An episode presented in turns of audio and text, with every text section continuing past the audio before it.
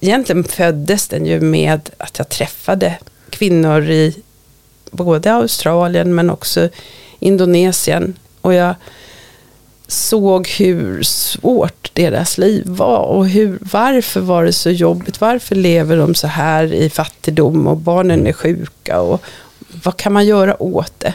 Det verkligen gav mig en tankeställare att varför gör ingen någonting åt det här? Det här mm. borde ju man kunna hitta lösningar och med det i mig så, så tänkte jag varför inte jag då? Så det, det var nog starten. Mm. Vad kan jag göra?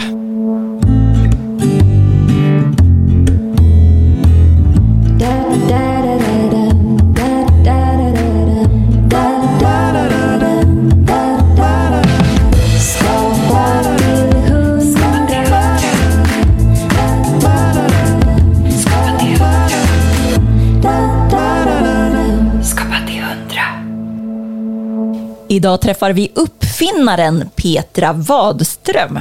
Vi pratar om vikten av att fortsätta leka, problemlösning som kreativ motor och hur en liten svart låda kan ge en halv miljon människor ett bättre liv.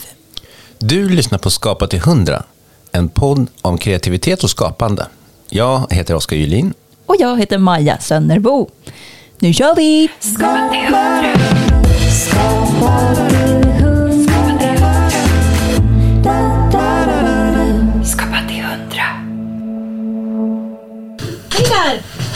Varmt välkommen! Tack så mycket, vad trevligt. Vad trevligt. Ja! Slå dig ner. Men jag måste bara fråga, känner ni varandra sen innan? Eller är ni... Nej. Jag vet inte. Nej, men du kände till solvatten? Eller ja, vad? det gjorde jag. Det gjorde du, ja. För det var ju din, eh, liksom, ditt inspel. Vi ja. måste ha med Petra. ja, precis. Det, bör, precis. det är en eh, lång räcka. Min, min fru var väldigt engagerad, eh, eller har varit hela tiden, i, i det här. Och liksom så här öste ur sig liksom för, massor ja. olika... Så, Hon är vår fjärde medlem ja, så här, det, som det är opererar så. i bakgrunden. Och sen så, och, och, så påminner hon mig om att vi hade läst de här artiklarna om det för, för en bit tillbaka i tiden sen. Okay. Ungefär så. Och bara just det, just det, det här är ju så spännande. Sen är det också att, eh, jag vet inte om det gör att det blir extra intressant, men, men i och med att jag har varit engagerad ganska mycket i Plan International. Har du? All right. Har vi aldrig pratat om det? Nej, det har vi inte pratat om. Så, så kan det vara. Jaha. Att man inte pratar om... Vi ska, kan du skjuta fram den lite, lite? Ska vi dra igång med, med hisspitchen? Ja. Okay. Petra Wadström är uppfinnare, entreprenör och världsförbättrare. Hennes uppfinning solvatten har hjälpt nästan en halv miljon människor att få rent och varmt vatten med hjälp av solen. För uppfinningen har hon vunnit en mängd priser och i samarbete med bland annat FNs flyktingorgan UNHCR och Plan International har den gjort enorm skillnad för fattiga familjer runt om i världen. Petra Wadström är dessutom konstnär och designer. Men det är den livsavgörande vattenrenaren som gjort henne till ett stort namn i Sverige och globalt. Varmt välkommen till Skapa till 100, Petra Wadström. Tack så jättemycket. Välkommen! Underbart att ha dig här till slut. Vi brukar börja med att checka in våra gäster med, som en, med en kreativ incheckning. Um, så om du skulle skatta ditt kreativa läge från 0 till 100, vad skulle du säga att dagsformen är? Ja, dagsformen är egentligen ganska orolig och, och mm. känner mig av, av, vad som händer i världen. Så att jag ja. är inte jag idag tror jag, eller igår. Eller, Nej. Det, så att, Nej, precis, för och, och Ryssland och Ukraina och ja, hela... Precis. Mm. Ja, det ska vi säga. När vi sänder det här avsnittet så är det dagen efter invasionen, den, va? Ja, den ryska invasionen. Ja, och det är starkt. Och jag har, eh, min mamma, eller min morfar kom från Georgien. Och, oh, right. och, och det, alla de här, eh, jag träffade aldrig honom, men han, han blev ju både fängslad och avrättad och satt länge i koncentrationsläger. Och allt det här kommer ju upp så att man mm. känner att ja, vad, vad händer? Varför finns de här onda ledarna kvar i världen? Ah. Har vi inte lärt oss mer? Mm. Eh, helt oförståeligt. Ah.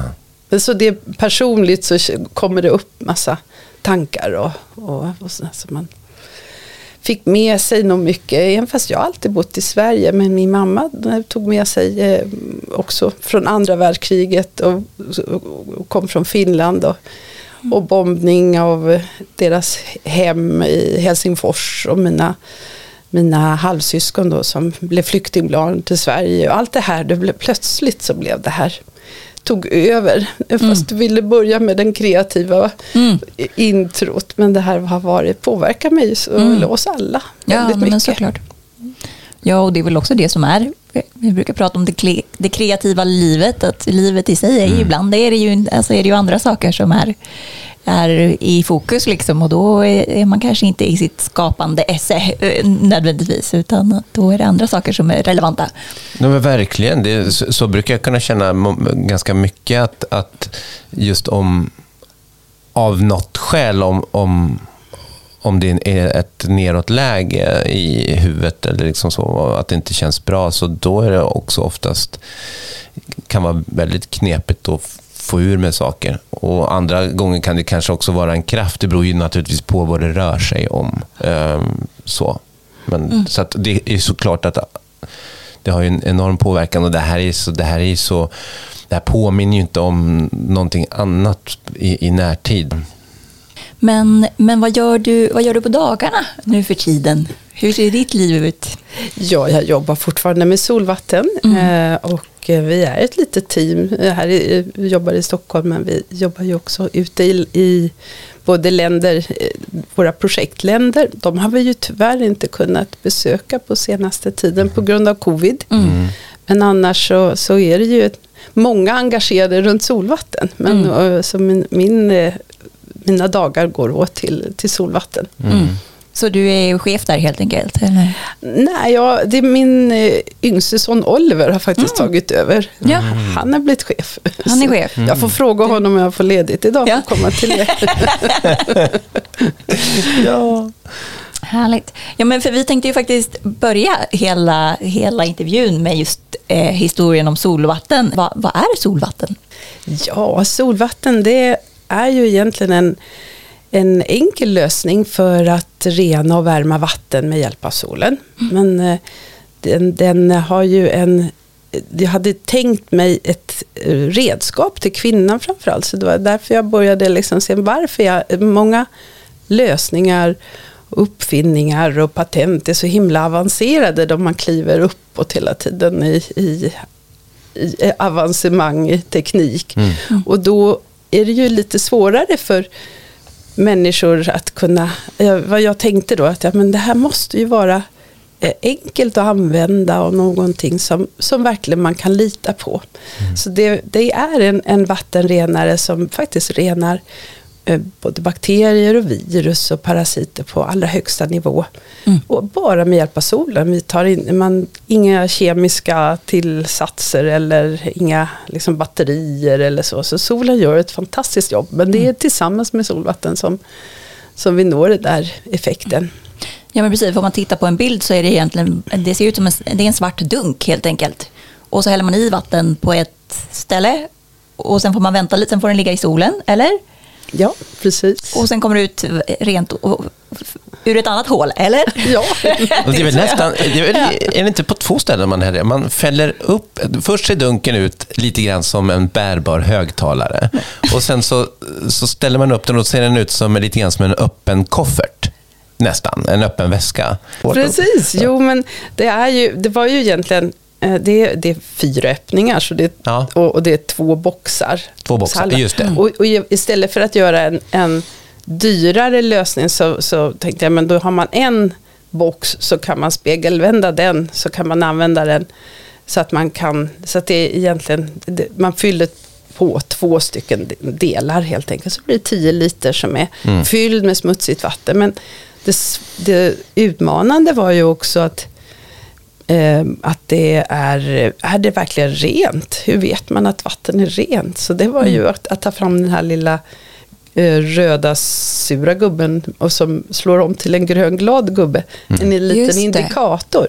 Mm. Det var ju en, också en utmaning för jag hittade ingenting som redan fanns. Eh, för det vore ju alltid enklare om det finns någonting mm. eh, utvecklat. Men så att, att utveckla den och kunna lita på, på att, att vattnet är rent. Det var ju liksom starten för solvatten. Mm. Just det, så det sitter en liten indikator helt enkelt som mäter om, vattnet, ja, när vattnet annars, är rent. Ja. precis, annars är det ju väldigt svårt att veta när vatten är rent. Det är liksom, många brukar säga att det, det smakar klor, säger, säger många. För Mm. då har man en, tror man att vattnet är rent i alla fall. Mm. Eller att det luktar eh, okej eller att det ser okej ut. Men, men det kan se okej ut och vara väldigt förorenat. Så att, Mm. Och jag tänker just när jag gjorde de här första prototyperna på solvatten. Då, då um, såg jag skillnader. Och det var väl där som det triggade igång mig. Liksom, att, men, aha, var- varför, är det, varför blir det fortare varmt eh, i den här jämfört med den här? För jag byggde massa små lådor. i. Ja, men precis. Kan du inte berätta, berätta historien om hur, hur den här uppfinningen föddes?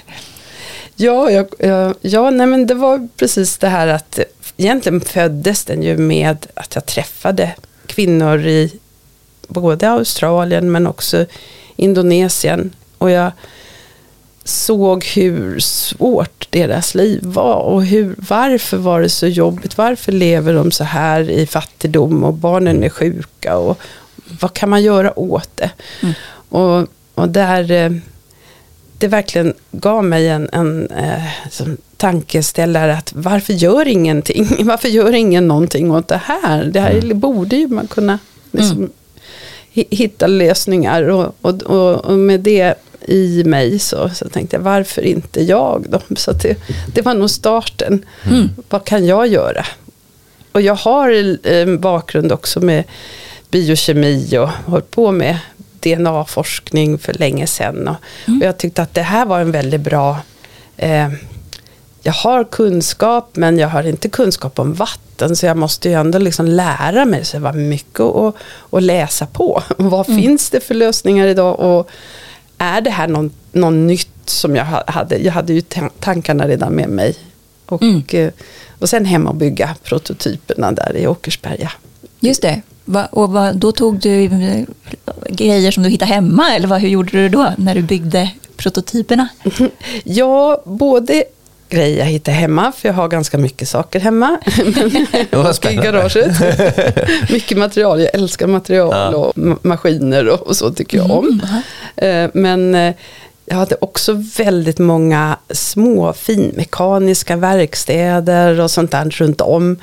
Jag hade jobbat med skulptur och, och, och eh, lekskulpturer i skolorna. Så där, där hade jag också träffat olika hantverkare. Eh, vi levde på landet då, så att man hade ett, gäng hantverkare som man gick vidare i det nätverket och, och tog fram eh, eh, första vakuumformade solvatten och, och, och sådär på Ingmarsö ute i skärgården. Ja, just det. Mm. Och, och sen lite fina skruvkorkar och allt det. Men jag monterade ihop allt och jag, det var de där första pro- prototyperna som jag sen tog och, och testade i laboratorium och sådär. Att det verkligen, eh, de tillsatte en massa mm, E. coli som det heter, bakterier. Mm. Och, och så såg man att det var rent. Och det, det var liksom starten då. Ja, ja, vad häftigt eh, kan jag tänka mig, när du fick det där provsvaret, att det är faktiskt helt rent. Var det, var det många försök innan, eller var det så här direkt att det funkade, eller höll du på där och mecka ett tag? Nå, först var det väl att, att det blev lite fel i, eh, i designen. För jag hade liksom en viss idé och jag är envis. eh, Och jag, så här ska den se ut. Och sen när jag fick den ifrån vakuumformarna så såg den inte ut som jag ville. Och då, hmm, vad gör jag? Hur gör jag nu? För jag vill ju testa den så fort som möjligt. Eh, Och eh, då, då så, så limmade jag fast en, en skiva i solvatten så att det blev liksom lite olika nivåer. Och den där gjorde nog en stor del av, eh, av att solvatten ser ut som den gör idag. Att den, den påverkade mera att vattnet rörde sig i solvatten. Eh, Man, man, om det står stilla, om man lägger den i solen, som jag hade på den första, då, då kunde det ju vara liksom att någon mikroorganism skuggar den andra, att inte solens strålar når. Just det. Men här så blev det istället en, en skjuts, liksom att det där eh, vattnet som är lite djupare, om man tänker liksom blir liksom som en, eh, eh, ränna runt om. Det var mitten var lite högre och så lite djupare vid sidan. Och där så det där kalla kallare vatten. Det var några temperaturgrader kallare. Det rörde sig mot det varma vattnet, ville till det kalla. Ja, så det just blev det. liksom en Mm. turbulens i solat. Och det var också så här misstag som, som ändå har lett till någonting bra. Mm. Ja men verkligen. Ja, det tänker jag att det, är, eh, att det är väl oftast kanske, eller om man läser om så här, just uppfinnare eller någon som har kommit på något så är det kanske ofta misstaget, som, eller det är bara slumpen att jag bara testade det här eller jag glömde den här odlingen i något skåp över helgen. Alltså, Penicillin, ja men exakt. penicillineffekten. Ja, precis. En grej till där med det där djupet, men det var också att vad är det för någon plast som släpper igenom det här UV-ljuset som är lite mer elakt, det där UVB-ljuset som vi blir lite röda av när vi, Ja, vi bränner oss. Och, och det som också då tar bort eh, bakterierna då? Ja, och det där UV-ljuset, att det har man ju liksom inte i ett glas, ett fönsterglas släpper inte igenom UVB Nej. eller en annan, många, de flesta plats, plaster gör inte det. Men jag tänkte, vad har den för plast på solarier? Så där började det liksom, Ah, smart. Och där, den plasten, just den plasten använder vi för den släpper igenom Mm. eh, UV-ljuset lättare. Och, och vad som händer i solvatten, för den är ju liksom som en svart låda som du förklarade också. Och i den där svarta lådan där, där fångas solens eh, liksom värme från solen, absorbator. Och, och då värms alla de där mikroorganismerna, deras cellmembran, det där höljet runt cellen värms upp så det blir liksom lite uppluckrat. Och det sker så där vid 40-50 grader och, och, och, och då så har UV-ljuset mycket lättare att nå in i cellkärnan och störa den där DNA-koden. och, och det är det som händer med solvatten. Så att hade man inte varmt vatten så behöver man mycket högre UV-dos. Och hade man eh, bara liksom värme då behöver man mycket högre temperatur. Ja, just det. Ah, just det, smart. Så det är en, eh, vad heter det, det blir lite du- dubbel, dubbelverkande. Ja, precis. precis. Exakt. Och det testade jag, jag fick ju lite stöd. Vi testade det i Nepal på alla möjliga skitiga vatten från olika brunnar och floder och olika höjd över havet. Vi åkte upp i Himalayas berg och, och gjorde solvattentester med mina de här första prototyperna. Men där testade man ju för vad, hur mycket rening och vilka temperaturer. Så att det, var ju väldigt spännande forskning faktiskt att, se. Men sen var det ju liksom jättesvårt också att testa vissa mikroorganismer som parasiter. Så här. I Sverige hade de inte, de, det kunde man inte göra här. Ja. Ja. Mm. men jag gjorde det sen med hjälp av något USA-labb som jag skickade iväg några solvatten. Kan ni göra det här? Ja. Sätt nu till liksom miljoner av eh, både Ja. virus och bakterier och, och parasiter. Och det visade sig att det var alldeles rent, även för liksom på den nivån. Mm. Och då, då blev man ju liksom, det var nog den där utmaningen som gjorde att, ja, nej men det här kan jag ju inte släppa. Nej. Det går inte. Nej, det är för bra. Ja. Skapa till hundra. Test, du sa att du hade liksom dialog med kvinnor i fattiga länder som hade, hade just det här problemet. Fortsatte du den dialogen? Alltså när du utvecklade produkten, hade du liksom, fick de ge feedback och vara med liksom i, eller ja, föda in till framtagandet på något sätt? Jo, absolut. Och, och utan dem, alltså den här första resan till Nepal, jag var där eh, tre omgångar, men första resan just där var viktigt att vara lyhörd, det var viktigt att vara liksom ödmjuk mot de som har problemet. För att det, det finns så många lösningar som görs helt utan att tänka på vem ska använda det och är det någon som vill använda din lösning. Liksom. Jag var så övertygad om att eh, att det var rätt att fråga och, och känna och förstå. Och det var så viktigt att fråga. Men min idé från början, du sa att du, du, den såg ut som en högtalare eller vad Ja, ibland tycker jag att kan, kan tänker, sådana här som man kan bära med sig, som man kan se att de spelar i tunnelbanan ibland. Ja, nej men för, för jag hade ju en dröm om att det skulle vara som en bok. Alltså en, eh, Ja. att det var jag fick den där liksom, mm, det här är en bok och så öppnar man den här boken mot solen och så, så skulle det vara, tänkte jag att det skulle vara textil från olika eh, länder, då deras liksom, man kunde ha en västafrikanska tyget skulle kunna vara på utsidan och så skulle liksom, idag är det ju fortfarande en bok fast den ser inte riktigt ut som jag hade tänkt från början. Nej. Nej. Vad intressant, då kom konstnären in i, i, i leken. Man kanske ska sy ett fodral, det är som man har mobilskal. Ja, Så om man vill ja, liksom pimpa sin solvatten lite så kan man ha ett litet fodral runt. Och det görs faktiskt. Vi har ju inte sån här som man isolerar. Man gör en väska med, som man kan liksom, med lite tjockare med fodrad. Så man kan sätta på solvatten på, som natt, på natten. Så håller man det som en termos. Så har man varmt vatten Ah, som nästan en tehuva. morgon. Ja, Jaha, Ah, vad smart. verkligen. det, det finns mycket mer att göra. Ja. Skapa till hundra. Men när du hade, var i Åkersberga sa du? Ja. Där vi hade den här första prototypen. Vad, hur, hur fick du den sen? Jag tänker så här, åka till Nepal och börja testa och liksom börja få ut den i världen. Det, det känns som det kan ju vara dyrt.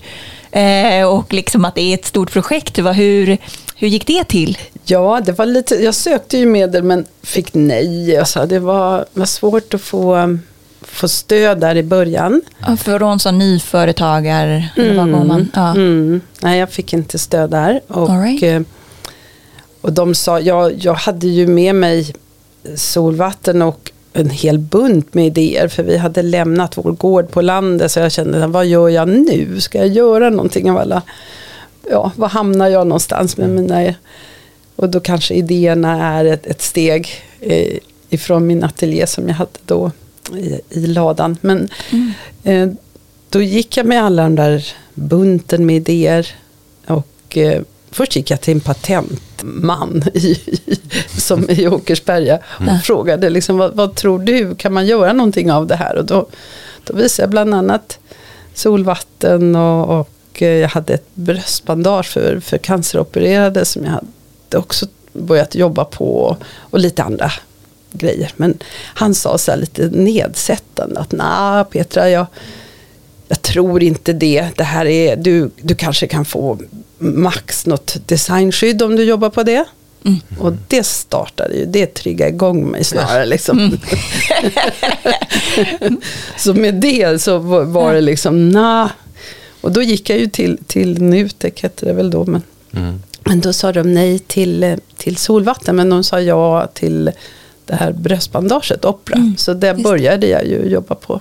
För att liksom lära mig hur man, hur man tar ett patent och hur man utvecklar en produkt, hur man tar fram sömnaden och, och produktion och allt. Hela processen helt enkelt. Ja. Men jag bara blir bara så fascinerad. Har du suttit hemma och uppfunnit massa grejer? Eh, bara så här spontant hemma när du har druckit kaffe liksom?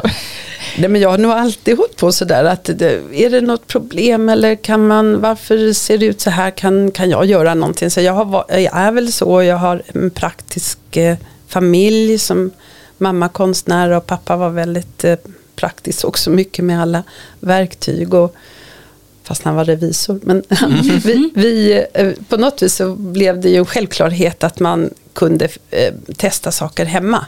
Ah, mm. Det var med mig re- redan tidigare. Så att, eh, idéer och lösningar har jag nog haft allt ifrån liksom att göra, kom på en, mm, ett sätt att göra marionettdocka. Jag kommer så väl och jag var jätteliten men jag kommer liksom, men om, jag kan, om man lyfter armen på marionettdockan då måste jag göra en sån pinne och, och göra Ah, det på, right. så att det har nog, även fast man kanske inte kallar det uppfinningar, men lösningar. Liksom. Att ser man, ja, man har ett problem, om det är ens eget eller någon annan, så kan man göra någonting. Mm. Ja, vilken gåva. Ja, men precis. Du fick börja med att jobba med det här eh, bröstbandaget. Och sen kom solvatten med på en bananskal därefter, eller? Ja, det var nog liksom, eh, jag, jag trodde så starkt själv på det. Ja. Eh, och, men som sagt, svårt med finansiering då. Och sen var det ju jättesvårt att, att liksom, vad tar man det här vidare? Det är ju liksom, behövs ju då någon som tror på en, någon som man kan prata med. Mm. Och nå, någon som eh, ser, att, ser samma sak som en själv. Liksom. Mm. Och, och då, då hade jag tur att träffa en, en kvinna som jag inte känner så bra. Men jag jag var lite upprörd för jag hade just fått nej från någon jag hade varit och pratat med om solvatten.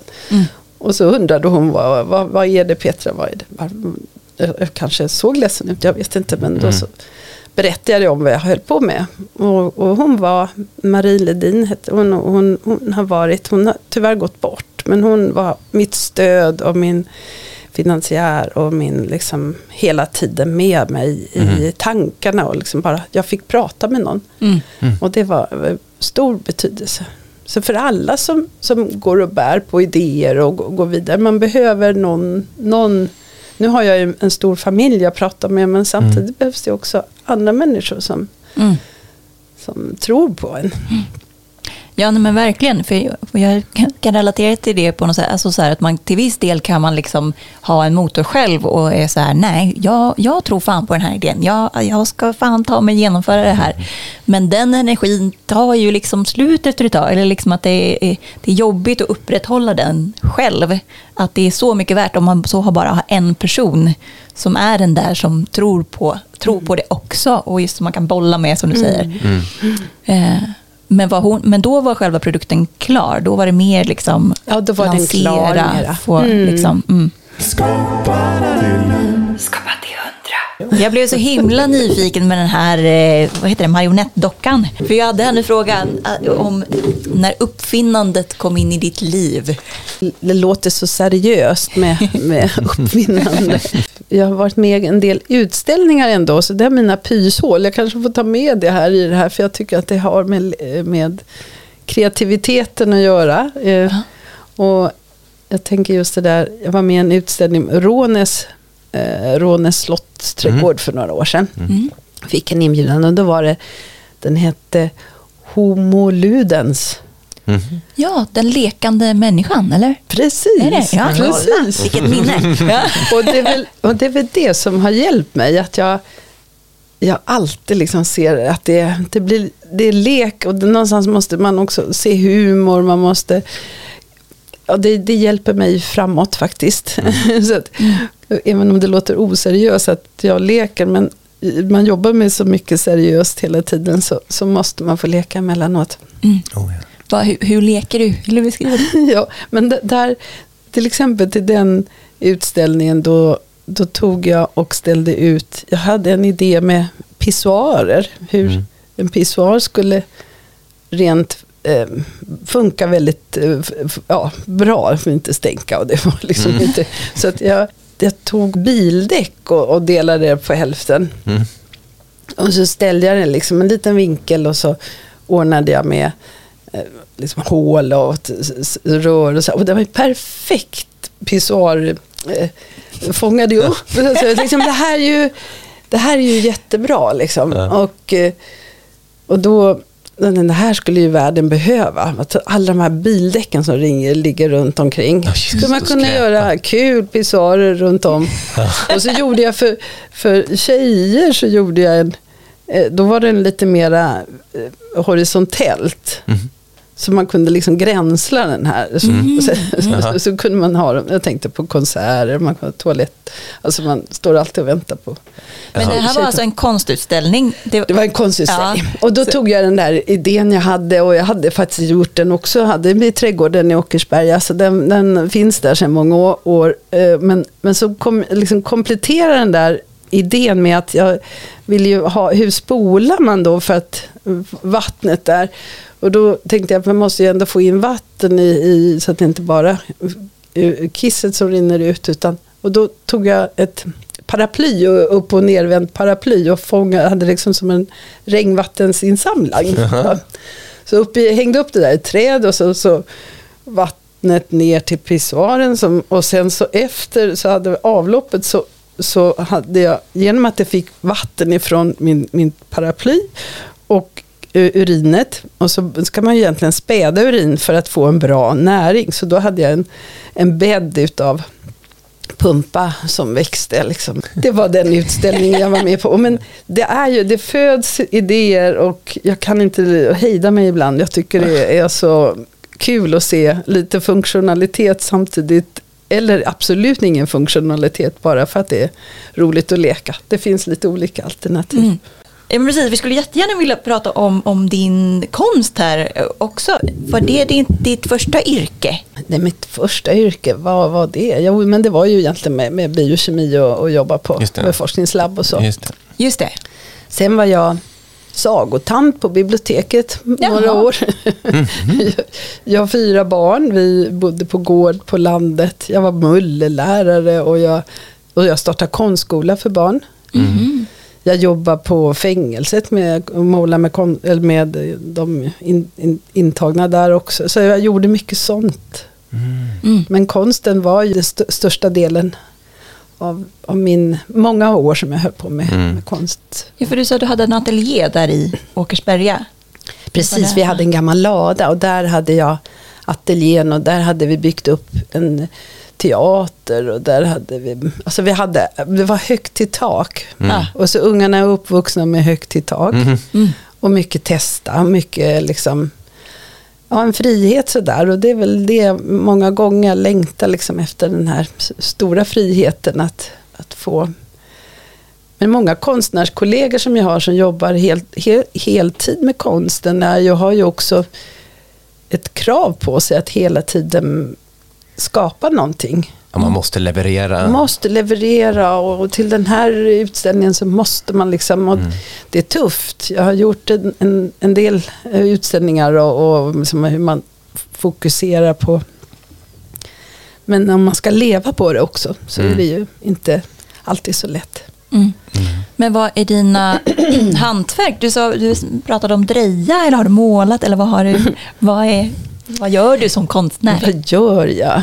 Ja, nej men alltså mamma var ju tecknare egentligen. Hon kom från Ateneum i Finland då, och, och så höll på mycket med all material hemma.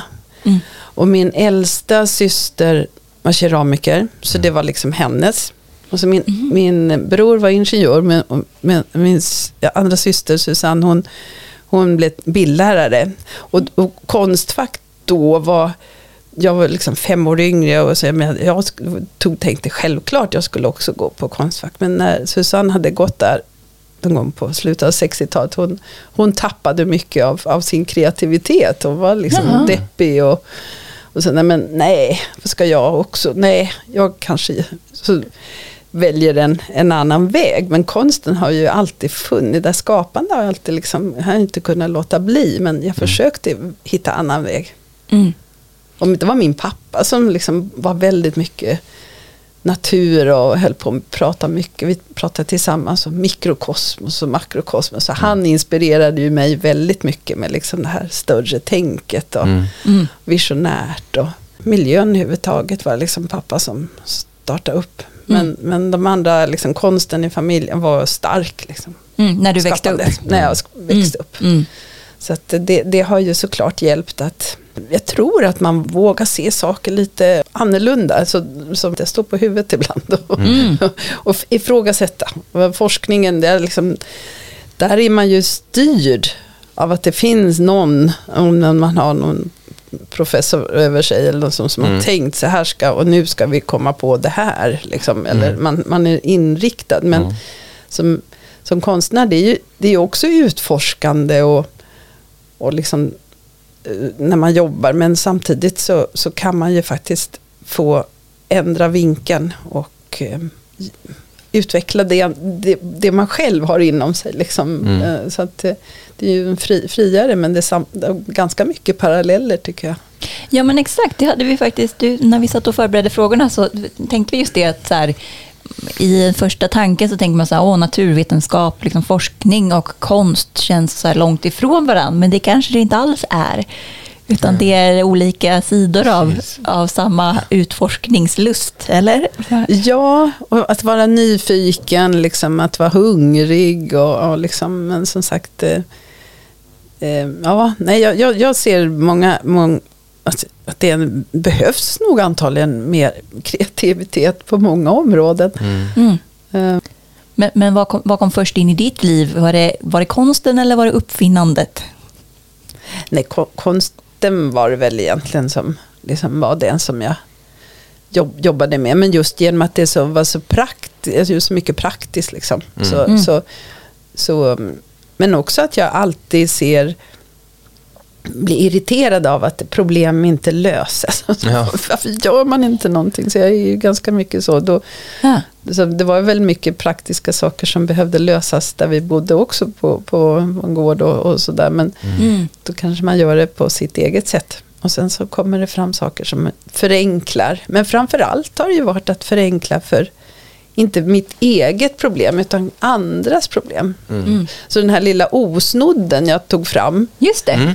Den, det var ju liksom inte mitt stora problem jag hade. Utan det var min svärmor som hade blivit bestulen. Hon hade åkt rulltrappa och jätteledsen. Eh, en äldre dam då. Och, eh, och sen eh, då, då läste jag också artiklar om, om gamla människor som blev bestulna och de märkte det inte förrän de kom hem. Liksom. Men, åh. Så då, då tänkte jag på hur, hur jobbar ficktjuvarna? Hur gör de egentligen? Hur, eh, liksom. Och där, där föddes idén med osnodd. Och det var din första uppfinning, eller? Den, nej, inte den första, men den hjälpte mig med solvatten faktiskt. För jag Ja. sålde den och lite, så att jag kunde liksom ha en del inkomst ifrån den. Okej. Så att, eh, men då, det är egentligen det var två starka klämmor. Mm. Och så kunde man sätta den ena på plånboken och, och den andra i en väska. Det behövde inte vara samma väska utan man kunde ha den i, just i fickan eller ja, så man, den var flexibel men stark. Så jag liksom, så här, vad finns det? Finns det några färdiga klämmor jag kan använda som är tillräckligt starka som håller i men ändå går att öppna? Och då, då fick jag, det var en fabrik i Kina faktiskt som, som man gjorde ett till varv på den här fjädern. Det finns sådana gardinklämmor. Och sen så, de, de var så svaga, så man, man, om man fick fjädern att bli ett varv till så blev det lite starkare. Och så kom jag och testade i, tog potatispåsen, klarade den här mycket. Fem kilo pond, vad är det för dryck som klarar? Ja, just det. Hur starkt är ett ryck? Liksom. Ja, Mm. precis. Så då, med den, den där första, första eh, lilla osnoden gav jag till Anita då som hade blivit bestulen. Och det här var kanske ett halvår senare. Och då är det nästa gång, då står hon i tunnelbanevagnen och ska gå ut. Och så öppnas dörrarna, hon går ut och så får hon ett slag i knävecket. Och det är hennes plånbok som hänger kvar. Mm. Ah. Wow. Och då, är någon, då ser hon att hennes väska, blixtlåset var öppnat. Någon har stått bredvid henne och liksom hållit handen, inte gjort, eh, väntat på att hon själv skulle gå iväg. Liksom. Just det, rörelsen är inte jorden. Nej, just det. Mm. Okej. Så då, ja. så då, då tog jag fram den där i produktion och, och sålde till lite olika designtorget och lite sånt där. Så det, men det, det, det, är liksom, det var ju inte mitt problem. Men det gäller att sätta sig in i vad är det som händer. Och eh, kan man göra någonting. Jag bara kom att tänka på en, en sån rolig sak. Jag, jag, hade så lätt att, och, jag hade så lätt att se den här osnodden framför mig. För jag vet inte om du känner till det, men det finns, det finns ett eh, Tintin-album, alltså seriefiguren Tintin. Han, han har ju de här två kompisarna, detektiverna Dupont och Dupont. Just det. Dupontarna. Dupontarna. Ja, och i eh, äventyret Enhörningens hemlighet så härjar det en ficktjuv i stan. Och eh, detektiverna som bland annat ska lösa det, bland allt annat som de ska lösa, de blir ju av med sin plånbok nästan hela tiden. Så de gör faktiskt en liknande lösning. De sätter fast den där för att... Fick, okej. Men det, de lyckas inte riktigt hela vägen då, för de får, när ficktjuven springer iväg med den här Okej. så släpper ficktjuven och de får plånbok, plånböckerna i ansiktet. Och det, då, då hinner de ändå inte ifatt ficktjuven. Men jag tyckte det var så fantastiskt att, att det här var faktiskt fun- fungerar på riktigt. Ja, precis. det, De skulle haft osnodden, då hade det... Ja, ja. Den var, de hade felkonstruerat. Men det var inte därifrån du fick din inspiration. nej, det var det inte. Det var det inte. Skapa till hundra. Vilken var din första uppfinning då? Om det inte var den här? Nej, men det var ändå som sagt när jag var liten. Jag kommer ihåg jag tog fram någon, någon, något sätt att tillverka stövlar för små nallar. Alltså, det tycker jag var en bra uppfinning för att vara liksom sex eller något sånt där. Men det var liksom så solklart att det gick att producera, det var nytt och så, man, man förstår den här nu patentlagstiftningen. Så här, liksom. du måste, om en uppfinning, ja det är att man har någonting som är unikt och någonting som går att producera. Och, eh, och sen att det, att det finns en, ett, en användningsområde, en unikhet. Nej, men jag tycker bara det är så fascinerande för jag tänk- tänker att de flesta människor kan, kan relatera till att man har sett något, eh, en utmaning eller så här. Och så har man tänkt så här, varför gör man inte så där? Eller det där fungerar ju jättedåligt. Men att ta steget sen, att faktiskt göra, att faktiskt så här, okej, jag ska ta fram en, en lösning. Hur, alltså som du berättade om osnoden, det är ju någon slags så här mindset eh, som känns så här uppfinnar-mindset som jag verkligen inte har. Är det liksom så?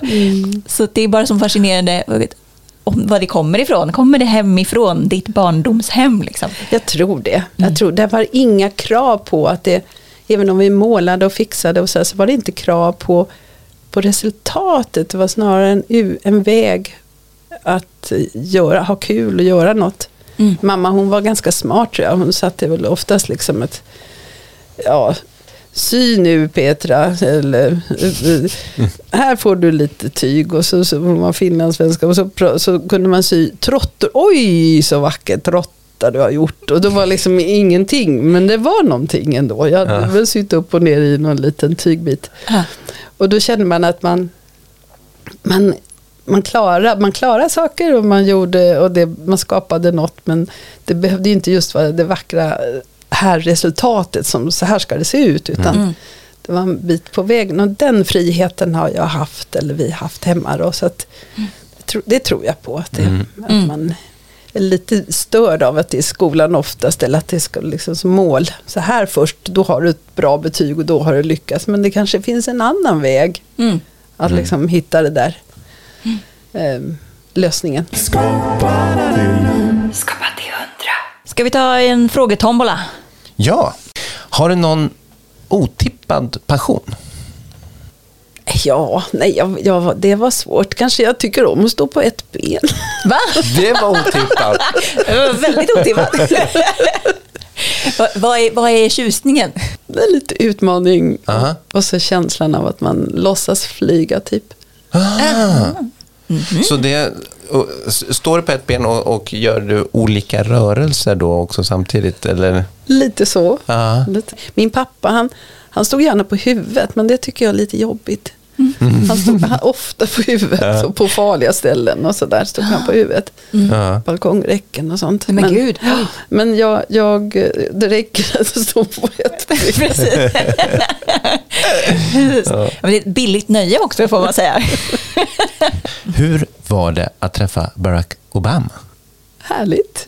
Och lite oväntat varmt. Han visade stor, eh, in, stort intresse. Mm. När vi hade fått berätta för honom och han hade lämnat vårt bord, David och jag var där. Och han hade gått och han stod vid, vid Volvo-chefen och, och hela världspressens alla kameror och alla Mm. mickar var riktade på där han stod bredvid Volvo-chefen. Och David och jag stod kvar vid vår, vi var den första han hade besökt vår- vårt bord där och liksom tittat. Och det var inte så många kameror som var riktade på oss från början liksom, utan det var Volvo. Och, och då tar Barack Obama, Obama stora steg tillbaka till David och mig. Och tar, ställer sig bakom oss. Och vill liksom visa att ta nu bilder och, Ah. av också. Så, Ja, vad fint. Ja, vilken vilken liksom omtanke. Ja, verkligen. Och, för ni var där och visade solvatten? Ja, Helt, vi var en av tre företag som, som de hade valt ut. På KTH då. Så att han, han kom för att att de, de hade ju valts ut av Vita huset. Att de, det var tre mm, miljötekniklösningar som han ville titta på. Wow. Um, något helt annat. Vad gör dig riktigt rosenrasande? Ja, som, eh, som jag kom hit i morse. Mm. Faktiskt, att det finns så mycket ondska hos Putin och, och orättvisor. Det, alltså jag, jag vet att Oliver och jag vi åkte till en plats som heter Adjumani i norra Uganda. Hyrde vi en bil och någon som hjälpte att köra för det är tuffa vägar. Och vi, så satt i bilen tror jag tio timmar innan vi kom till det här flyktinglägret uppe i Adjumani. Och så kom vi in till den här byn och så var det fantastiska träd, enorma, som, som typ stora almar fast det var avokadoträd. Tusentals avokado på de här träden. Och det Mm. var en, på varsin sida vägen så var det flera sådana här stora träd. Och sen så var det massa nedsågade sådana träd. Mm. Och så frågade vi den här mannen som hjälpte oss och skjutsade oss dit. Han sa det. Ja, vi hade en ledare. Så att lyssnade vi inte och röstade på hans parti, alltså det var Idi Amin på 70-talet. Mm. Så sågades träden ner. Och det gjordes. Så de sågade ner liksom mer än hälften av byns alla stora. Det var det de levde av. Så det var det de Men gud. och så fick de inte ens, de fick inte ens ta veden utan de skulle ligga, de låg där kvar fortfarande. Det här var på 70-talet. De ligger kvar där, stora stammar liksom. Men bara grymheten, alltså man blir så... Så, som en ren maktdemonstration, Mm. alltså sågades träden ner så att ni ska veta vem det är som Mm. har makten. Och han dödade, han lät avrätta en, en, av- uppåt en halv miljon av sina egna. Mm. Och eh, ut med alla som inte han gillade. Just det. Att det finns sådana människor som vill så mycket ont. Skapa till hundra. Hur, hur tar sig din kreativitet uttryck idag? Ja, ibland när jag liksom känner sån lust egentligen att få en paus och eh, liksom hitta de där mellanrummen för liksom e- egen... Det är ju mycket med solvatten är ju liksom inte skapande men det är relationer och det, det, är så liksom en, helt, en annan, annan del som man ändå inte kan släppa. Men jag tänkte på det, jag tog av, när jag tog av mig, för någon vecka sedan, så tog jag av en örhängen, jag tog av mig mitt halsband och så, så la jag dem på kaklet där i badrummet. Och så blev det en gubbe. Och så, så tänkte jag, "Ja, mm", och, så, så, och sen nästa dag så, så, så gick, då, då blev det en ny. Och, och det här höll jag på med i tio dagar. Och jag hade så kul. Jag sa, vad bra, nu roar jag mig själv. Att, liksom att, att det går att göra någonting av bara några enkla saker. Ja. Och så blev det olika uttryck, olika, olika ja, gu- gubbar igen, eller ansikten. Mm. Så till min man så började jag se, nej men vad, vad gör du?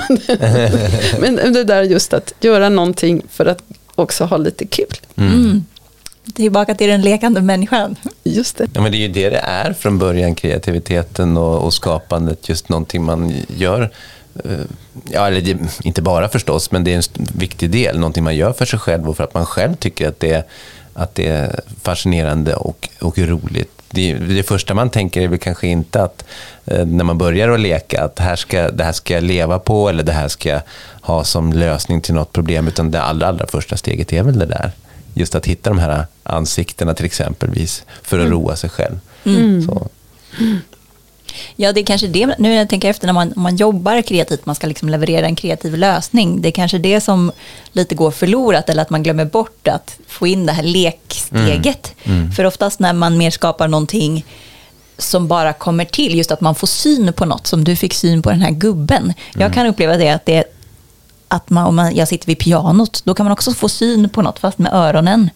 Att åh, det här, den här rytmen, eller den här med lilla melodin, alltså det är bara något pyttelitet, men som är så här, det här lät bra. Åh. Och då kommer den här lekupptäcktsfärden igång. Liksom.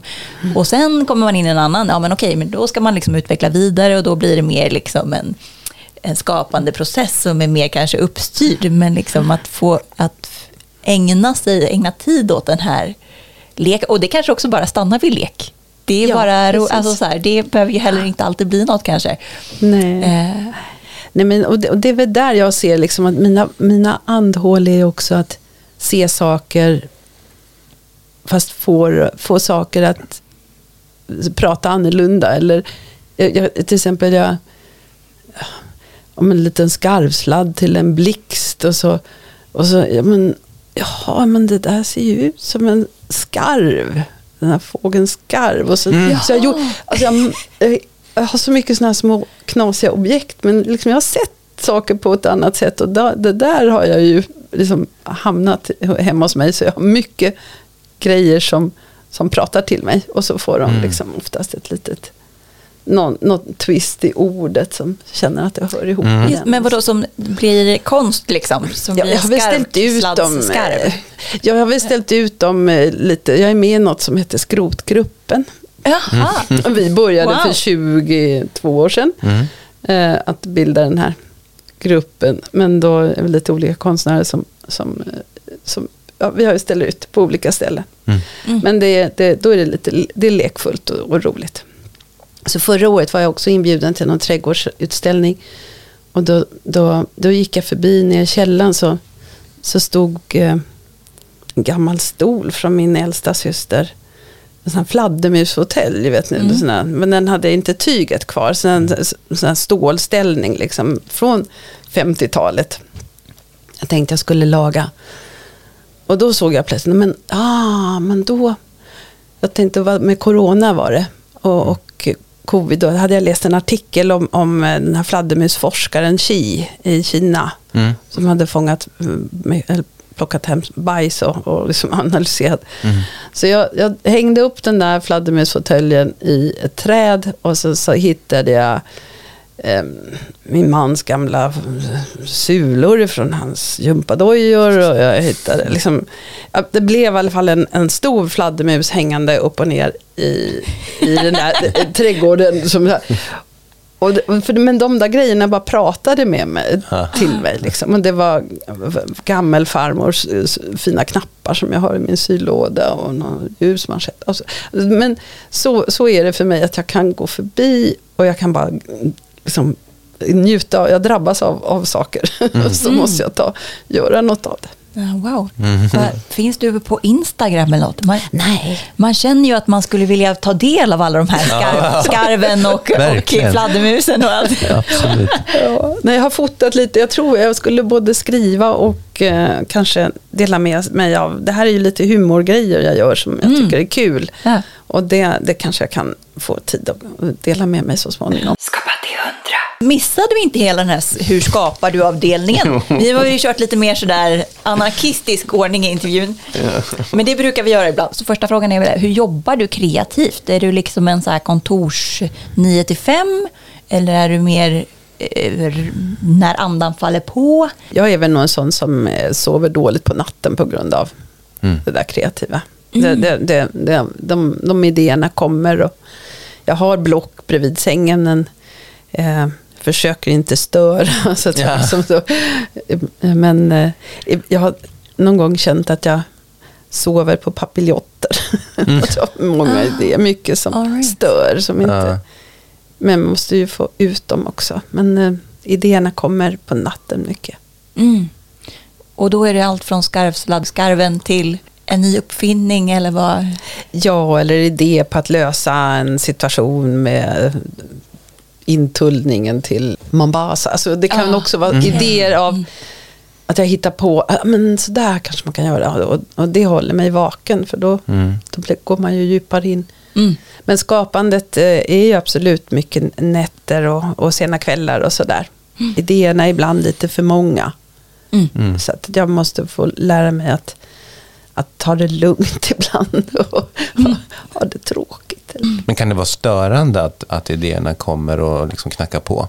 Jo, ibland, det var därför jag sa det med papiljotter, det ska Ja, vi ju ja. liksom och det är ju inte så bekvämt alltid Mm. att de där kommer så mycket och att man, men sen är det ju kul nu med, vi har många barnbarn, vi har nio barnbarn Mm. och en tia på, på gång. Ja. så att, men jag känner att, att min, min skaparlust har jag ju möjlighet och jag, gör, jag ger den vidare Mm. med att vi, till, jag, jag städade ur garderob, eller garderoben, som, ateljén som jag har, så tog jag fram bort mina alla bilder och, och målningar och så, så tog upp, upp alla redskap jag har. Allt ifrån mam- min mammas batikgrejer och mm. trycka papper och silska, alltså allt. Så hela väggen är fylld av, av eh, redskap, måla färger. Och där kommer barnbarnen och det känns så roligt för där får för deras att jag bara liksom får inspirera till en liten kick. Liksom. Här finns Mm. det, kom och ta, behöver inte fråga, här finns det. Mm, vad härligt. Och det, det tror jag är den bästa platsen för både mig och barnbarnen när vi, när vi får träffas. sådär. Mm. En följdfråga fråga på papiljonterna kanske egentligen. Alltså det, man, du verkar vara en väldigt idérik och kreativ person. Eh, att det just att det pop, pockar på massa, åh det och det och det. Eh, jag tänker resan med solvatten. Jag läste att du kom på den första idén 97. Så det har ju varit en, en lång resa, många, många år. Eh, och det kanske inte är, det är ju en väldigt långsam skapande process. Att det liksom många steg och det har varit patent och testa och sådär. Hur har det varit? Om det att jobba liksom så här mer utdraget och metodiskt?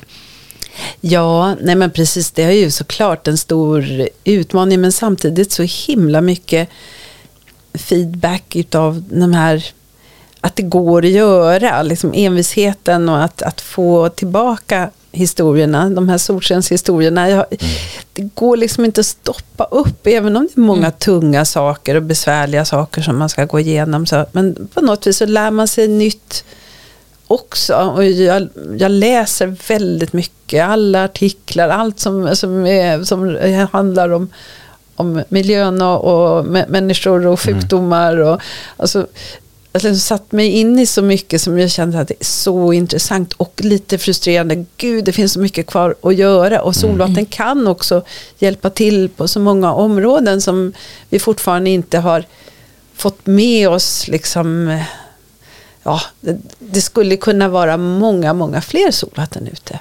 Skapa till hundra. Eh, Men det här med samarbetet med UNHCR och Plan International, jag kan bara gissa att det har varit en, har varit en nyckel att liksom få distribuera ut det.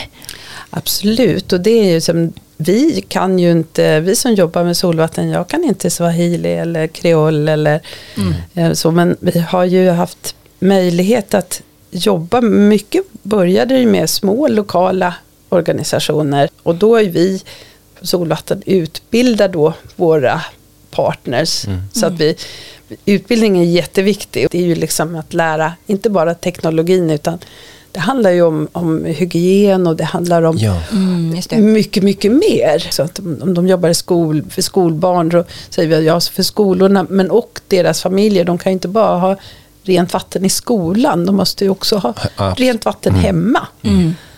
Och sen hela den här hygiendelen som, som eh, lite mera har eh, lyfts upp på senare tid.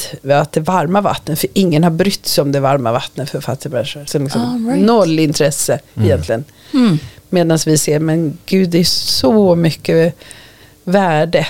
Och, och det tror jag UNHCR också har insett Mm. nu att det är inte bara access till vatten utan det är också kvaliteten på vatten men samtidigt värdet av ja, det varma vattnet, hålla hygien. Kunna tvätta händerna och Tvätta tvätta händerna, ja. man kan ju inte bara säga till folk tvätta händerna. Nej, inte- och så finns det inget att Nej, Nej. nej. Så att, det tror jag, samarbete med organisationerna är viktigt. Men de som är våra egentliga kunder, det är ju företag som, som klimatprojekt och, och hållbarhetsprojekt. För solvatten är ju en, en klimatnytta, Ja, eller gör kli- klimatnytta med att man inte använder ved på samma just det. Ja, det läste vi. Vi tyckte, det, var, tyckte det var superintressant. För det är också något så här som man kanske inte tänker på. Eh, kan du inte berätta om det? Om klimatnyttan? Ja, och det tycker jag liksom att man, man förstår hur vårt vanligaste sättet i världen är ju att koka vatten. Precis som du sa Oskar, man kokar vatten för att få det rent och få det varmt och så. Och vad använder man? Jo, de, ha, halva världen använder ved eller kol, träkol. Så att det, då, om man tänker att man använder den ved som normalt går åt för en familj, kanske det går upp, eh, uppåt 6 ton ved om året för en, ve- en familj. Och det kanske är uppåt 10 träd som, Ja. som används. Kan man minska allt som det innebär att hämta ved, att såga ner eller hämta eller plocka pinnar och all risk som kvinnorna, oftast det är flickor och kvinnor som är ute och, och många timmar, man pratar om att hämta vatten, ja, men hur, hur lång tid tar det inte att plocka de här pinnarna i skogen? Mm. Och oftast är det som sagt flickor och, och, eh, som, som hjälper till med, med de sysslorna. Och, och, kan vi låta träden stå kvar? Ja, solvatten låter de här träden växa kvar. Och jag brukar prata om skuggan under ett träd. Vad är det värt? Hur sätter man en prislapp på det? Mm. Men det kan man göra om man, man fattar vad det handlar om. Det är liksom först alla de här småkrypen som vi behöver för biodiversiteten. Och, men sen är det ju liksom om en kossa som vi hörde i, i norr, eh, norra Uga- eh, Uganda eller norra Kenya, södra Sudan, så liksom sa de att ja, kossorna, som de, om de har träd och ställa sig under, då mjölkar de uppåt fyra liter om dagen. Men har de inga träd så mjölkar de kanske två liter om dagen. Och för- Som vätskebrist. Ja, Eller liksom ja. att de... Jaha, Ja. vad intressant. Ja, Där kan man plötsligt nästan räkna då, då på vad kostnaden för två liter mjölk. Ja. men, Ja. Så, ja. Ja, eller bara att det finns, skogarna finns kvar. Eller i större utsträckning kanske, och att man inte eldar upp dem med tanke på hela kl- koldioxid. ja, verkligen. eh, Men det var lite spännande att det plötsligt Ja. fanns, fanns någonting väldigt Ja, specifikt att faktiskt räkna på. Hundra. Vi träffade en vattenorganisation i New York som hette Charity Water för ett antal år sedan. Och de borrar brunnar för vatten och vi, de sa, vi sa det, men det kunde ju vara ett bra samarbete. Mm. Och då sa de att ja, kvalitet på vatten jobbar vi inte med. Nej, men- N- Ni är fem, eh, fem, tio år för tidigt. Liksom. Va? Såg de. Nej, men. Okej, okej. Så att om, om fem år, då kommer människor behöva rent vatten. Ja, nej, men Oj, så det, ja. det finns en, en föreställning som, och en, en, som invanda rutiner och allt det där som liksom inte är öppna för nya lösningar. Så det är nog det svåraste. Mottagarna är oftast en, den tröga punkten. Liksom. Man tittar på FN till exempel, upphandlingar, då tittar man ju inte på några liksom, livscykelkostnader eller hållbara. Nu börjar de att tänka så. Men när jag var nere i Genève och stred, liksom, mm, och så tänka på livscykelkostnader istället för att köpa någonting på en tre månaders budget. För, alltså, Mm. för, nej, men det, man, kan, man ska inte, liksom, inte tänka för långt. Och inte, då köper man det billigaste. Ja. Och, och skulle vi ha gjort solvatten billig produkt som skulle gå sönder efter år, då kanske vi hade sålt miljontals. Ja, just det. Men vad ser du skulle behövas alltså liksom för att distribuera ut och ta solvatten till nästa steg? Vad är, vad, vad om du får drömma, vad skulle du vilja? Jag skulle vilja att man, man förstod liksom, eh, värdet av energi och vatten och solen. Att man skulle liksom jobba mer i världen på eh, liknande. Man behöver ju inte just vara solvatten, men solvatten är en bra del, ett komplement som fyller liksom ett stort gap där folk inte har infrastruktur och så. Men om man tänker på den energi som behövs för att värma vatten. Runt om i världen har vi sol och det, oftast går det då över elektricitet och sen så vad ska man då, sen stora förluster istället för att använda den här direkt. Mm. Precis som solvatten gör. Den, När solen är där. Siffror ifrån, från Kenya till exempel. 50-60% av deras eh, energikostnader eh, eh, går till att värma vatten. Shit. Ja, och det är det liksom duschen på morgonen, eh, sätta på ketteln, eh, oftast är det eh, strömavbrott på morgonen för det är sådana peaks och så på kvällen. Och skulle man då ha mera solar water heaters, det har Kenias government sagt att de ska ha, eh, alla nya byggnader ska ha det, men det har jag liksom inte genomfört riktigt. Men det där borde ju världen stå upp för, liksom för att förstå vad vi använder energin till och ställa de frågorna. Just det, men skulle man kunna ha, ta samma teknik som finns i solvatten, de här 10 liters dunkarna och sätta, alltså skala upp, sätta på ett hustak och försörja en Jo, bostad? det, det, liksom. går, det går att göra och samtidigt liksom inte bara göra det varma vattnet utan också det rena vattnet. Mm, nej, men exakt. Kombination. Att Ja. liksom låta folk få, få det. Och det absolut skulle det gå i soliga länder. Man tycker bara så här, men kan inte staterna gå in och köpa upp det här och bara distribuera ut? Det känns som att det borde väl vara en no-brainer. Och speciellt så tänk, tycker vi, så, men, ja, okej, om man också dessutom ger kvinnan massa tid, eh, min färre sjuka barn, men samtidigt också låta träden stå kvar. Då har man ju liksom, varje land skulle ju kunna, som använder solvatten, kunna både ha kol, och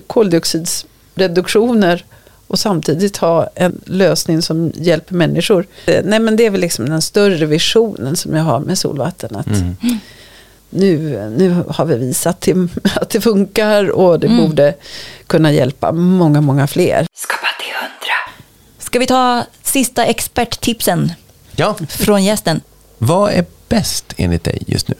Bäst är nog, eh, ja, största är väl värme och kärlek. Det är det bästa.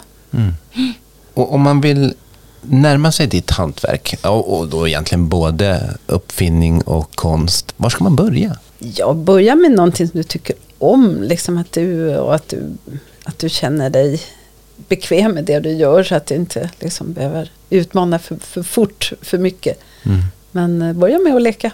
Eh, och eh, det, det tror jag är det, det, det bästa är att liksom inte ställa för stora krav på dig. Utan det kommer. Vilket är ditt bästa tips för att bli kreativ? Titta. Titta och begrunda, tänk. Och så, och så testa. Men det är leken ändå som är grunden till, till att du har velat hålla på. Ja, ja. Aha, och envisheten tror jag. Mm. Det är en fantastisk kombination, lek och Ja, envishet. verkligen. Det både låter som och vi vet ju faktiskt att det är ett vinnande koncept också. Med tanke på vad du har åstadkommit. Tack snälla för att du ville komma hit. Kul att träffa er. Mycket. Tusen tack. Ja, wow. Nej, nu måste man ju liksom steppa upp sitt så här samhällsförbättra-game, tänker jag. kan man inte hålla på här och ha sig omkring. Vi måste också börja rädda världen lite, Oskar. Skapa Skapa till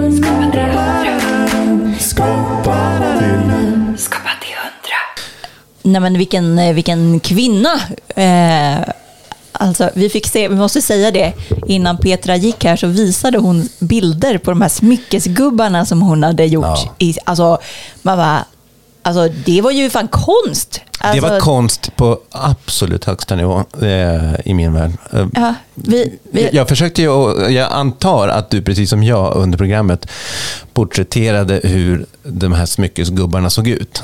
Och Ja, nej, men exakt. Man Vad ser, såg du? Ja, men precis. Man ser framför sig så här, typ två örhängen som ligger som ögon och så typ halsbandet som ligger som ett ansikte. Alltså typ så väldigt enkelt. Typ som jag skulle ha gjort det, eller som ett barn skulle ha gjort det. Ja. Det är typ samma, samma nivå liksom. ja, öga, öga. mun. exakt. Och så, Och- så, så här, munnen kan gå uppåt, den kan vara rak, den kan gå Exakt. neråt som när man är ledsen. Exakt. Och sen bara får man se typ Picassos verk. Ja. Alltså man bara, okej, här har vi ett proffs som är är det kallas för? Stilleben? Nej men alltså, ja. Och, nej, men alltså, och vi, vi, nu ska, vi försöker övertala Petra här att dela med sig av dem så att vi kan lägga upp dem på, på poddens Instagram. För alltså, wow! Man Ja, bara, ja, okej. de, var, de var ljuvliga. det är en de konstnär in action. Det är det. Ja, och plus att jag blev så jävla sugen på, alltså hon måste ju dela med sig av all sin konst och all sitt, sina, sitt geniskap. Hon behöver ju skaffa en social media manager liksom. Ja, är det du det? Nej, det vet jag inte, men, men någon borde verkligen Ja, göra det. Eh, Men sen kan det ju vara så också att eh, det är inte säkert att man själv känner att, att det är viktigt. nej. Nej, jag Vet tänker mer att så här, Det glömde vi fråga, det hade vi kunnat Ah. fråga istället för att sitta här och spekulera. Men, men om, man bara, om man tar ut diskussionen till mera generellt. För Mm. Jag tänker också väldigt snabbt liksom att saker och ting ska ut. Mm. Eh, konst ska ut, det man skriver ska ut och bli en bok. Eh, Allt ska ut. Men det finns, det, ibland kan det faktiskt vara så också att man bara njuter av att göra, bara att skapa sakerna. Ja, nej men verkligen. Men det är därför jag också känner, för jag kan också 100% relatera till att så här, nej men jag behöver inte publicera allt. Eller liksom, och jag kan verkligen förstå det att andra kreatörer som att nej men vitsen är inte att vara bli stor på i sociala medier, liksom, utan att det finns en, en, en, ens motor handlar om något helt annat. Men det är bara när jag ser geniskap, alltså när man ser så här, talang, man bara, gud vilken rolig idé, eller vilken, alltså de här små smyckesgubbarna, alltså i sin enkelhet, helt jävla geniala. Man bara, men andra vill ju se det här, alltså typ för andras skull, att de ska få ta del av de här fantastiska grejerna liksom. Ja, och det där är så häftigt med konst. Därför att dels så är det otroliga bilder det man ser. Utav, skapat utav de här örhängena och, och halsbandet. Halsband var det va? Mm. För det var med kulor och så. så det var lite... Ja, det var lite olika smyckes Ja. Mm. Ja. Ehm, dels är det ju är det bara i sig väldigt, väldigt, väldigt vackra bilder på Mm. ansikten som, som blir utav de här smyckena. Men sen är det också så här just att man blir, att det ger en sån extra dimension av att de, man vet hur, att de är skapade av det här enkla. Ja, och att man ser det. Och alltså det blir så direkt. Mm. Man, man fattar ju att det är ett geni i farten. Men jag är inte så säker på att man, om, om du ser fotot, om du Ja. ser fotot på det, så Ja. är det inte så säkert att du uppfattar att det är gjort av de här två, tre, jag vet inte, tre enkla föremålen. Nej, men fast man, ser ändå, man såg ändå typ lite att det var fotat så här på en bänk. Typ så här, ibland syntes lite badrumskaklet. Liksom, att det, är, det är uppenbart bara några smycken som någon har lagt på ett sätt så att det blir något helt annat. Jo, men jag menar att det var så pass bra. Så att, Ja. Och du och jag visste, vi hade fått historien förberättade. Eh, Men det är inte säkert att man ser det. Men när man vet det så blir det också så här helt otroligt. Exakt. Jag bara ser världens bästa Instagram-content som inte är publicerad. Jag kan hålla med, verkligen. Ja, nej men alltså oerhört inspirerande samtal tycker jag på, på så många olika sätt. Jag tycker hon var otroligt ball. Det glömde jag faktiskt säga. Jag tänkte att jag skulle säga det men ibland är det så här intervjun bara pågår och så vill man inte avbryta. Men det här med att hon har också gjort så många grejer. Både att hon är så här konstnär eh, men och, och uppfinnare och har liksom flera patent och liksom jobbat, startat hela karriären med solvatten. Men också har varit det hon berättar, väljer att berätta i intervjun är att så här, jag har varit mulleledare och jag har varit mm. pedagog. Alltså typ så här, eh, jag, jag imponeras av den här mångfacetteringen på något Ja, sätt. ja. Och att det finns också något som känns väldigt oängsligt i det. Alltså att man inte vill så här branda sig mot, alltså du vet att man typ så här, jag upplever att det är mer kanske intuitivt att åh det här tyckte jag var spännande nu. Eller åh här kan jag hjälpa till eller vad det nu är liksom. Eh, det skulle vi också ha frågat. Alltså vi skulle ha kunnat prata med henne många timmar till. Ja, så är det. vad, vad tar du med dig från intervjun? Nej, men just också att eh, det är så viktigt, det hon gör. Det, Mm. Jag tycker det är, Det måste ju vara bland det bästa, alltså när, när man kan kombinera kreativiteten och skapandet med någonting som är så här Mm. otroligt viktigt. Och sen är det ju som när vi sitter här och pratar så är det ju så märkligt att, att de här äh, att länder och stater inte bara köper upp den här produkten. Ja, men alltså, jag tycker det är Trycker helt o... Alltså, den finns va? där. Den finns Ja, där och exakt. den fungerar. Nu frågade vi ju inte hur mycket, exakt hur mycket den kostar, men så jävla mycket kan det ju inte kosta om man tittar på ett landsbudget. Liksom. Jag tänker att Nej. det rör sig om någon, någon tusenlapp, nej men inte fan vet jag. Alltså, att det, det bör ju inte vara ett problem om det löser så mycket samhälleliga problem. Nej. Alltså så här, folk, eh, kvinnor får tid, liksom att Mm. man blir frisk, man slipper skövla skogen. Alltså man bara, Mm. vad är problemet? Köp upp skiten nu, distribuera ut. Ja. Ja, ja nej, men man blir väldigt inspirerad av att jobba med den här typen av frågor tycker jag. Alltså jag känner bara så här, jag som är på en liten upptäckarresa i Ja. vad ska jag bli med när jag blir stor, man bara, exakt. Det. Det där. nej men precis, alltså man bara, det, det sätter ju saker i perspektiv. Att eh, okej, om man ska ägna sitt yrkesliv åt något, det, det, det vore ju jävligt nice om det, det också bidrar till något sånt här vettigt. Liksom. Eh, Men det är ju det, det, är det också att det är en sån, det är en sån otrolig resa att göra för det finns ju ing- inget eh, det finns ju ingen vinstmarginal. nej, nej, nej. men det finns ju ingen vinst. Det handlar Nej. inte om det överhuvudtaget. Så, att, så att därför så är det ju så att det, det, det, måste ju klicka. Dels måste du orka Mm. hålla ut och sen så ska det liksom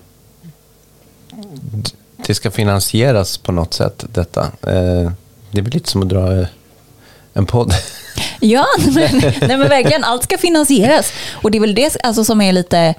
Eh, alltså så här, det är inte brist på idéer eller på att vidareutveckla. Eller liksom, alltså, det, och det är inte något fel på produkten. Men det är väl, alltså, ja, är inte det ett av samhällsproblem? Att så här, de genierna är egentligen de små eh, som Solvatten. De är ett litet gäng på, på några stycken, tio pers eller vad de kan vara man jämför deras budget med Putins budget. Liksom. Va, va, vem, vem skulle man vilja ge en ordentlig budget?